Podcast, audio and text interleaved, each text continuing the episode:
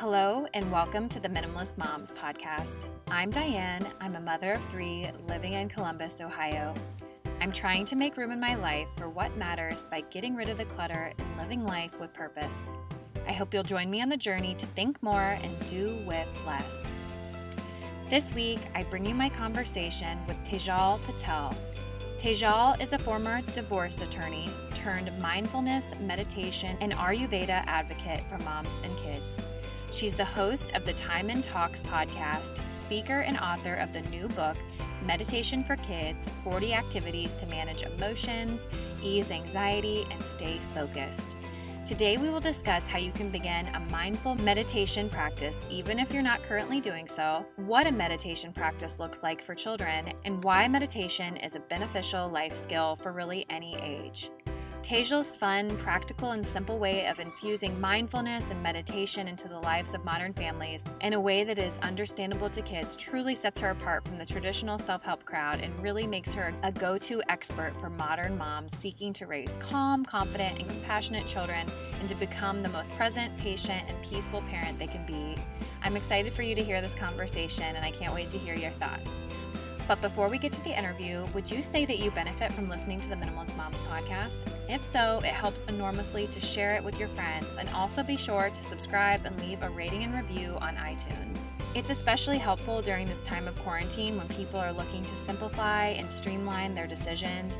I feel like the Minimalist Moms podcast might be right up their alley. So please leave a rating and review if you haven't yet, and I just so appreciate you listening. And now for my interview with Tejal. Tejal, thank you so much for joining me this morning on the Minimalist Moms podcast. Thank you so much for having me. I'm so happy to be here. Yeah, as I was telling you before we hopped on the call, I've been wanting to do an episode on meditation and specifically in regards to children for a while now. So I just can't wait to pick your brain a little bit. But before we get into all of that, can you just tell listeners a little bit more about who you are and what it is that you do? Yeah, so I'm actually um, a former divorce attorney turned mindfulness, meditation, and Ayurveda ad, um, advocate for moms and kids. So basically, for the last decade, I've been um, bringing meditation and mindfulness into the lives of young children between the ages of three and eight. And it's been something that has been so personally rewarding. And I learned so much from it that throughout my journey, I really, I honestly thought that that's what all, that's all I was going to do was just teaching children in classroom settings.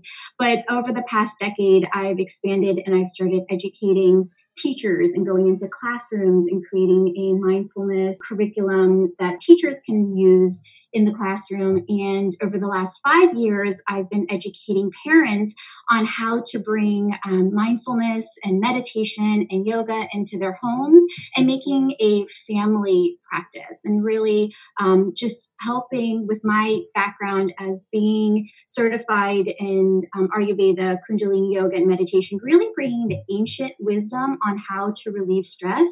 And so it's not the watered down version of just like just take deep breaths. It's like really rooted in this um, ancient science, but really translated in a fun and practical way that not only kids can understand, but parents can actually implement in their life too. I'm curious to see is there a religious element to meditation because I don't want someone to be turned away from the idea of meditation just because maybe it doesn't align with their beliefs. And that's again why I wanted to have you on here because I have so many different listeners of different backgrounds and different beliefs. Yeah. So, um, you know, we're going into school districts. Obviously, that question comes up, right? Mm-hmm. And so meditation, like I said again, like that word has a connotation that maybe it's like part of like Eastern philosophy and religion, and it's really not because it's when you, especially like the meditation for kids book. Like I'll give you a prime example.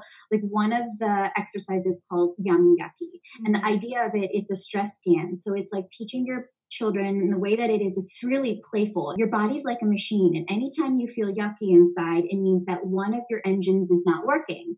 So let's just do a quick scan to see if any of your engines are not working. So you you know you have a head engine, you have a heart engine, and you have your belly engine. And based on where you feel like the stress, there's different physical sensations. So that when you're feeling angry, it's universal that your body's physiological reaction to it is overheating mm-hmm. or that's why you feel flush in the face or you feel like the fire within you is like kind of rising mm-hmm. when you're feeling anxiety the universal it doesn't matter who you are it means that there's too much energy moving in your mind because that's where the racing thoughts come and so the idea is is that the exercise and the breathing tool that you do is going to help start bringing the energy back down into your body to help you feel grounded and then where your belly engine is like when you feel sad or really upset that's when your your engine is starting to move really slow and you need to wake it up so there's different breathing exercises because you're now waking up energy to move in your body. Mm-hmm. So as you can see, like that's just like the playfulness of what it is. It's really very universal. And so it's just using the wisdom of your body. We've all been given, despite our faith, mm-hmm. the this beautiful sophisticated technology of our body. And this is just a manual an owner's manual to understand how when we're feeling stressed what to do to help relax ourselves. We've been hearing about taking deep breaths but what the wisdom is sharing is that there's different deep breaths whether you breathe in through your nose or your mouth that creates a different relaxation response and it triggers your um, nervous system in a different way. And science is proving this as well too. So it's just learning how to use your body from your breath to way you hold your body through different yoga postures to you know learning how to implant positive affirmations and thoughts into the lives of ourselves and our children so that when uncertainty or when difficult emotions happen that happen to every single one of us mm-hmm. jealousy mm-hmm. anger frustration disappointment mm-hmm. how can we ride through them and with children it's like how to help them understand and cope with these ideas and these feelings and then move through them without debilitating them that's really all it is yeah, thanks for answering that question. I knew that it would probably come up at some point, and so I just figured I'd have the expert be the one to explain it. And really, that meditation is a mindful pause, it's a refocus, it's recentering, it's resetting. And I think that in this increasingly busy, stressed, time starved time, it's so important to have that time carved out in our day to meditate. Anyways, getting into my next question Meditation for Kids is actually one of the first self help books out there for younger children. And I think you specifically say between the ages of four and eight years old. So I guess I'm curious as to why you wrote this book and why you're so passionate about raising this generation with the mindful meditation practice. Absolutely. I mean, I think the problem is really just apparent now. Um, Nat, the National Institute of Mental Health said that the number one challenge of our time right now is childhood anxiety. So, one in five children are experiencing some clinical level of anxiety before they reach adolescence.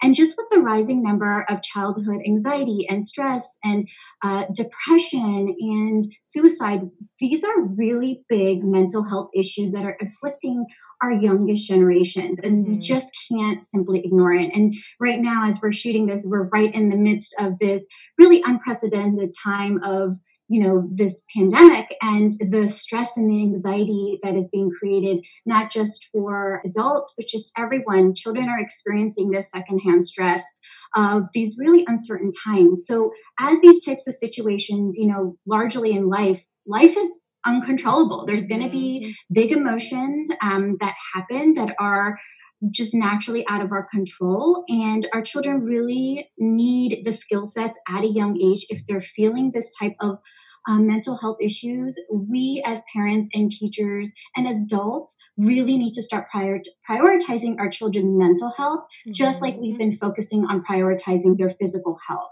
And largely, many of us, you know, we have not been taught how to meditate when we were kids. And so, you know, when we think of mental health and how we build these practices into our children's life, you know, science is really proving, um, and there's robust studies out there of the benefits of um, helping with managing emotions, managing stress, helping with building resiliency. And so, what we do know, um, you know, there's a lot of studies out there for adults because we've been practicing this for quite some time. And mm-hmm. the studies out there for children are growing. However, they're not as robust, not because it doesn't help. It's because we are the generation that need to really implement and bring this consistency consistently into our children's life at a young age. So we are actually in the midst of creating this data. Mm-hmm. And what we do know that science has proven is that the part of the brain which is responsible for our fight, flight, or freeze, the amygdala, the brain stem, with consistent meditation practice, it, it's not how long you practice it's just the consistency of it mm-hmm. it starts to shrink that part of our reactive reactive state of our mind mm-hmm. and what happens over a period of time is that our prefrontal cortex which is responsible for our impulse our um, empathy our emotional regulation knowing right and wrong this part of our brain increases in size and what we also know with children's developing brain is that the part of the brainstem that fight, flight, or freeze is fully developed at the time of birth. Mm-hmm. However, their prefrontal frontal cortex is largely malleable and it doesn't fully develop until they're 24 to 26 years old. Mm-hmm. And the beauty is, is that between the age of zero through eight, their brains are so malleable that what they're hearing, what they're seeing, what they're experiencing,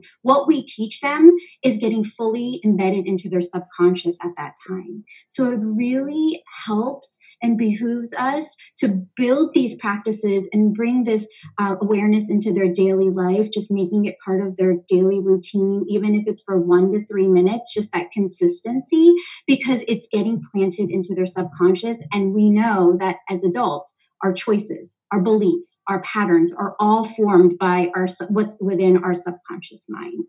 So this time of building meditation is really to help our children build the resilience to manage big emotions, learn how to ease anxiety and deal with stress, but also help them learn how to focus their mind, which mm-hmm. is such an important skill set in our digitally distracting world. So, I completely agree with you. I haven't actually started my own children in a meditation practice, but I have a friend that is a elementary school teacher and she does a lot of yoga and meditation with them and she has somewhat of a rambunctious room we'll just leave it at that and she has found that it really does calm those students down mm-hmm. if they are just doing basic meditation and basic yoga poses. So again, mm-hmm. I don't I'm not the expert. That's why I have you here for all of that.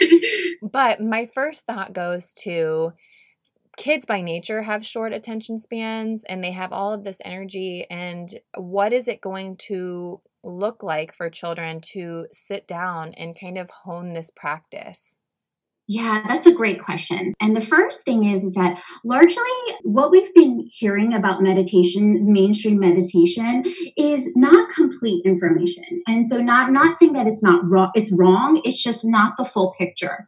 And so when we think of quintessential meditation, we're thinking, you know, sitting quietly, eyes closed, um, not moving, you're supposed to focus on your breathing and, you know, clear out your mind, right? Like that's what we think of when we think of meditation meditation, that quintessential meditation. And what this is, there's two different categories of meditation. This is what's called passive meditation. The purpose of passive meditation is to focus on your breath and clear out your mind completely. Mm-hmm. Now, I associate this this is like the crossfit of meditation okay. the reason is is that you would never tell someone who's never worked out a single day in their life to sit down and do a crossfit um, exercise or go to a CrossFit class because they'd seriously fall flat on their face, right? Like they would, they don't have the endurance, they don't have the stamina, they don't have the ca- capacity to do that just yet. So they have to build themselves up to that. And there is a second category of meditation, what's called active meditation. Active meditation, the focus of it is to train your brain to focus on one thing. So it gives your mind um, anchor focus. And it's much easier to start training your brain to focus on one thing rather than focusing on nothing. It's really, really difficult. And 10 years ago, when I started a meditation practice, I largely figured this out myself too, because I mm-hmm. started a passive meditation practice. And that's where a lot of us, whether we're grown-ups and when we're thinking about how are we going to teach our kids, like my kid doesn't sit still, my kid doesn't, you know, doesn't have that capacity to do that. The reason is, is that you're thinking about trying a passive meditation practice first. And that's not how it works. Mm. You focus on teaching them an active meditation practice. And so the way that that looks is that when you're teaching them breathing, you're giving them the ability to tangibly use their body. Like uh, everything that I teach in the book, there's a, a, tangible aspect to it. So you can use guided meditations, um, a mantra, you're using um, your body, even a yoga posture, like you mentioned with your friend. That is mindful movement. You're focusing your brain on um, one thing where you're what the attention of the the yoga posture is and it's moving energy in your body in a specific way to mm-hmm. release out stress or create an experience so there's different ways of forming active meditation and i really want to get clear like we're not trying to have our kids like experience nirvana at the age of five or mm-hmm. you know be these buddhas it's really to build this focused attention of training your brain because that's what our mm-hmm brain really needs of focusing your mind on one thing at a time. And then eventually you trickle in the passive meditation practice mm-hmm. into their routine. Mm-hmm. And so that's really the focus on how you want to look at it. And it's really just like when you teach your children the ABCs. Like you would never expect your child from day one to be able to look at a book and to be able to read sentences. You start with songs. You start with infusing it into their daily life. They do sight words, then they build in sentences, then they read chapter books, then they do essays and they learn grammar. So it takes it takes 12 years to really develop that. It doesn't take as long for meditation, but that's kind of the, the mindset that you want to have. You're building mm-hmm. upon each um, you know, skill set. And that's what it really is. And children really can learn how to do this not to continue to bring it back to my experience, but the only experience I do have with meditation is the Headspace app that my husband and I will sometimes use as we're laying down to bed. It just is really a good practice sometimes when our minds are overthinking or we've just had a stressful day. So, that said, what would you say are some of the initial first steps to begin a practice for my children? Right. So, you know, many of us have not learned how to meditate. So, that, you know, a lot of times um, as parents, we think, you know, the old kind of paradigm of parenting was I need to know or I need to be an expert at something in order for me to teach my kids. Mm-hmm. And that's kind of like the whole authoritarian parent is kind of the superior and the child is the lesser than. And so the parent needs to guide the child or like, you know, be able to know what they're doing in order to teach their child. And I think we really need to move away from this frame of work, especially with meditation meditation, you are a partner with your child in this. And being as honest with them that mommy and daddy are learning with you because the book's book has really been designed to create a family meditation practice. Mm-hmm. And so the idea is that you don't have to be like this meditation guru or this sage from the stage you really just have to be this guide from the side and just be introducing these practices to them. And like what I share, like the most basic thing is that you're creating like just like you teach your children that we brush our teeth every day just like you teach them that you you wash your body to keep the germs away. You're just building the conversation that every single day we brush our brain to keep yucky thoughts and yucky feelings away. It's mm-hmm. just that daily hygiene that we do. And as even if you do it for one minute or three breaths, it's creating that daily habit, like I said, planting it into their subconscious that I brush my teeth every day, I take a shower every day, and I brush my brain every day. And that really like uh, it's the way that children learn is through play and stories, but that's kind of also how we learned too. Even as adults, we learn through metaphors and we learn through analogies. So when you're when you don't have to have this all figured out, and that's really why I built this book to to help bridge that gap for parents who feel like, oh my gosh, I don't know what I'm doing. Where do I start? Mm-hmm. This is to ease you in because just like our kids need to learn active meditation first, we as adults, if we've never had a foundation from a young age, that's where we start too. Mm-hmm. No, it sounds like it's going to be so helpful. I can't wait to have my own copy of it because I do want to start going through some of this with our children. I'll be honest, I'm honest with my guests a lot of the time. I would say that I am somewhat skeptical going into meditation, but if you, okay, hear me out. So, if you look back at the past, when we had less connectivity to one another, we had fewer sources speaking to us. I just feel like it was a quieter time, even 50 years ago. And I think, like you said, as we teach our children to brush their teeth, to shower every day, Eh, developing the habit of meditation, even if you just want to call it taking time to be mindfully quiet, whatever you want to refer to it as, I do think that that is needed these days because we do have so many voices talking to us all the time, whether that's from our phone, our podcasts, uh, from social media scrolling, from the news. It's interesting that you say that. I think the word meditation, because it's become so mainstream, sometimes I feel there's a connotation to meditation. Mm-hmm. And so mm-hmm. with my mom clients, sometimes they'd be like, you know, I just can't meditate because I just can't do that. Mm-hmm. So I'm like, mm-hmm. all right, what do you feel confident doing? And a lot of times they're like, you know, I just want to be able to take a peaceful pause. Or someone will be mm-hmm. like, oh, I just want to take like a few minutes for myself to just breathe. And so even in the school districts when I go, like meditation can, you know, ruffle some feathers.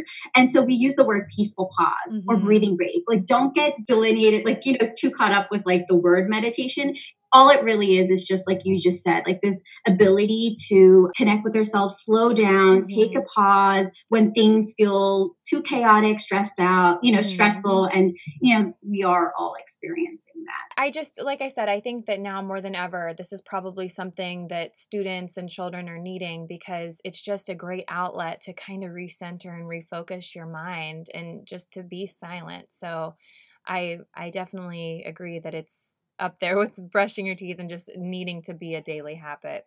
So, I guess my next question would be what if I'm on board with this, but my husband is not on board? How would you suggest going about that? Do you think that both parents need to practice meditation in order to successfully teach our children? I think that there's usually always one parent that kind of takes the lead on it. And I'll give you a prime example in my home. Like you know, being a meditation and mindfulness expert over a period of, you know, a couple years, it's rubbed off on my husband. But I'm the one who takes the lead when it comes to teaching our kids. Mm-hmm. And I think if your uh, the other spouse or your partner is not on board, you know, let them be free. This is not about forcing everybody to do it. It's mm-hmm. just I think when you see the book and they see the practices and how it like how it's interactive and it's really such a deep bonding experience because there there are exercises where it's not just like the breathing it's building open communication. What do you do after a mistake? How do you start over again? Retracing your day like these at the end of the day just like genuine conversations that you can have with each other. So it's very much a bonding experience to have these mindful moments as well as the the practices like the meditation practices. Mm-hmm. um but yeah i think it's it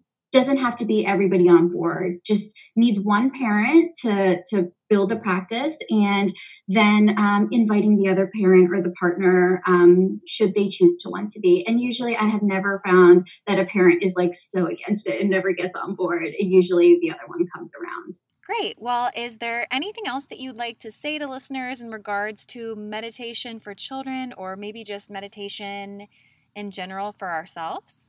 Yeah, so you know, I really have been because of this age range of four to eight. This is really a new area of build, building self help and tools for children. So I really decided to create a movement behind it called the Kids Can Meditate movement. Mm-hmm. And so, really, just you know, getting the book, and if you find value from the book, this book is also designed to help teachers as mm-hmm. well because I've worked in classrooms. So really, just do our part to share this wisdom because it's so needed right now as we we talked about. And um, right now, um, what I did, like if you go on the meditationforkidsbook.com website, I've actually created a free online mini course. So people who are like interested in it but don't really know what it's all about, and um, you can kind of get a feel for it, and you can you know purchase the book. It's available for pre-order right now. And what I really helped, um, I really wanted to help parents really feel confident and empowered to know how to use the book to teach their children. So I created a, a small supplemental online course called the Meditation for Kids Masterclass course, which goes along with this book and it's releasing on April 14th. So really, you know, take a look like if this is something that you're into, I'm here to support in any way possible and I have a lot of resources available for anyone who really wants to hit the ground running and build this into their kids' life right now. Great. Well, and then that was actually my next thing I was going to ask you is where can listeners find you if they want to connect? Yeah. So um, my podcast is called the Time-In Talks podcast. Um, and I talk largely about like mindful parenting. And my son does cameo um, monthly appearances where he talks about mindfulness or meditation or things that are helping him in his five year old life. Um, on Instagram, like I said, Tejal B. Patel. And then everything regarding the book you can find on meditation mentalhealthforkidsbook.com. Of course, the bonus exercises, pre ordering the book, everything is available there. And um, yeah, if you do it, you know, join us in the movement. We're really just trying to blow up the gram and really make it normal to see kids meditate, you know, or to like taking deep breaths and pausing. Right now, it's such a novelty. And like, so when people see my son, they're like, wow, that's so cool. And I would just love to just like to have the gram just in, inundated with images of our children practicing these tools, us doing it with our kids. That's really what we need to make this movement a normalcy and something that's part of our children's life and future generations' life. Absolutely. And I hope this conversation resonated with mothers and that you'll be seeing some of those tagged photos very soon. So, as we wrap up here, I'm going to ask you the two questions that I ask every guest. And the first one being, What is something that you're simplifying right now? AKA, what is your minimalist moment of the week?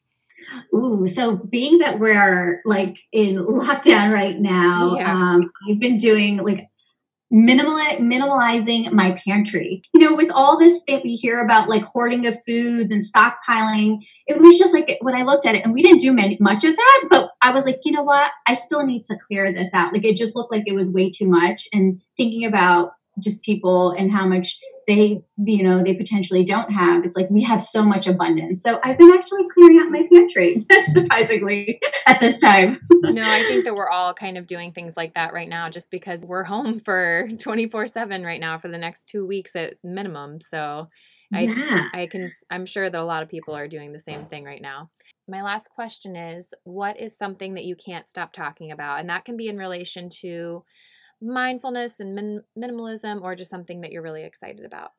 Oh my gosh, you know that it's going to be my meditation for kids book. Like it's I mean, not just the book, it's just the movement. That's uh-huh. what I I really believe 10 years ago when the seed was planted in me, like this is what I was born to do. This is my contribution to humanity is to really build this mission that children can learn this at a young age. And I won't stop until I, as many children, you know, I'm just one person. So I'm here to just make this this vision be expanded and expanded, expanded until my last breath. This is what I'm going to be doing. That's a great goal. And I think you're well on your way um, of achieving it. So, Tejal, thank you so much for joining me today. And I just appreciate your time. Thank you so much for having me. It was so much fun, Diane. What did you think about the interview with Tejal? I think it's so important to teach our children how to manage their bodies, their energy, their big emotions, and really their reaction to stress. So I just appreciate the work she's doing with the Meditation for Kids movement. And honestly, as you and your child make meditation a part of your daily routines, you too will begin to notice that you feel less stressed. So if you've ever been curious as to what meditating looks like, practice with your child, and you'll be on the right path to building deeper connections, open communication, and creating a more peaceful home environment. I invite you to keep the conversation going at minimalistmomspodcast.com. There you'll find links to the Facebook page, Instagram account, and where you can find me all around the web. Join me back here next Tuesday as I speak with Rachel Rainbolt from Sage Parenting. Rachel and I discuss natural homeschooling, and she gives us her secrets to making the time run both smoothly and productively. I found her advice especially helpful while we're living in this time of quarantine. I cannot wait for you to hear this one. Thank you for joining up on this journey. I wish you a lovely week as you think more and do with less.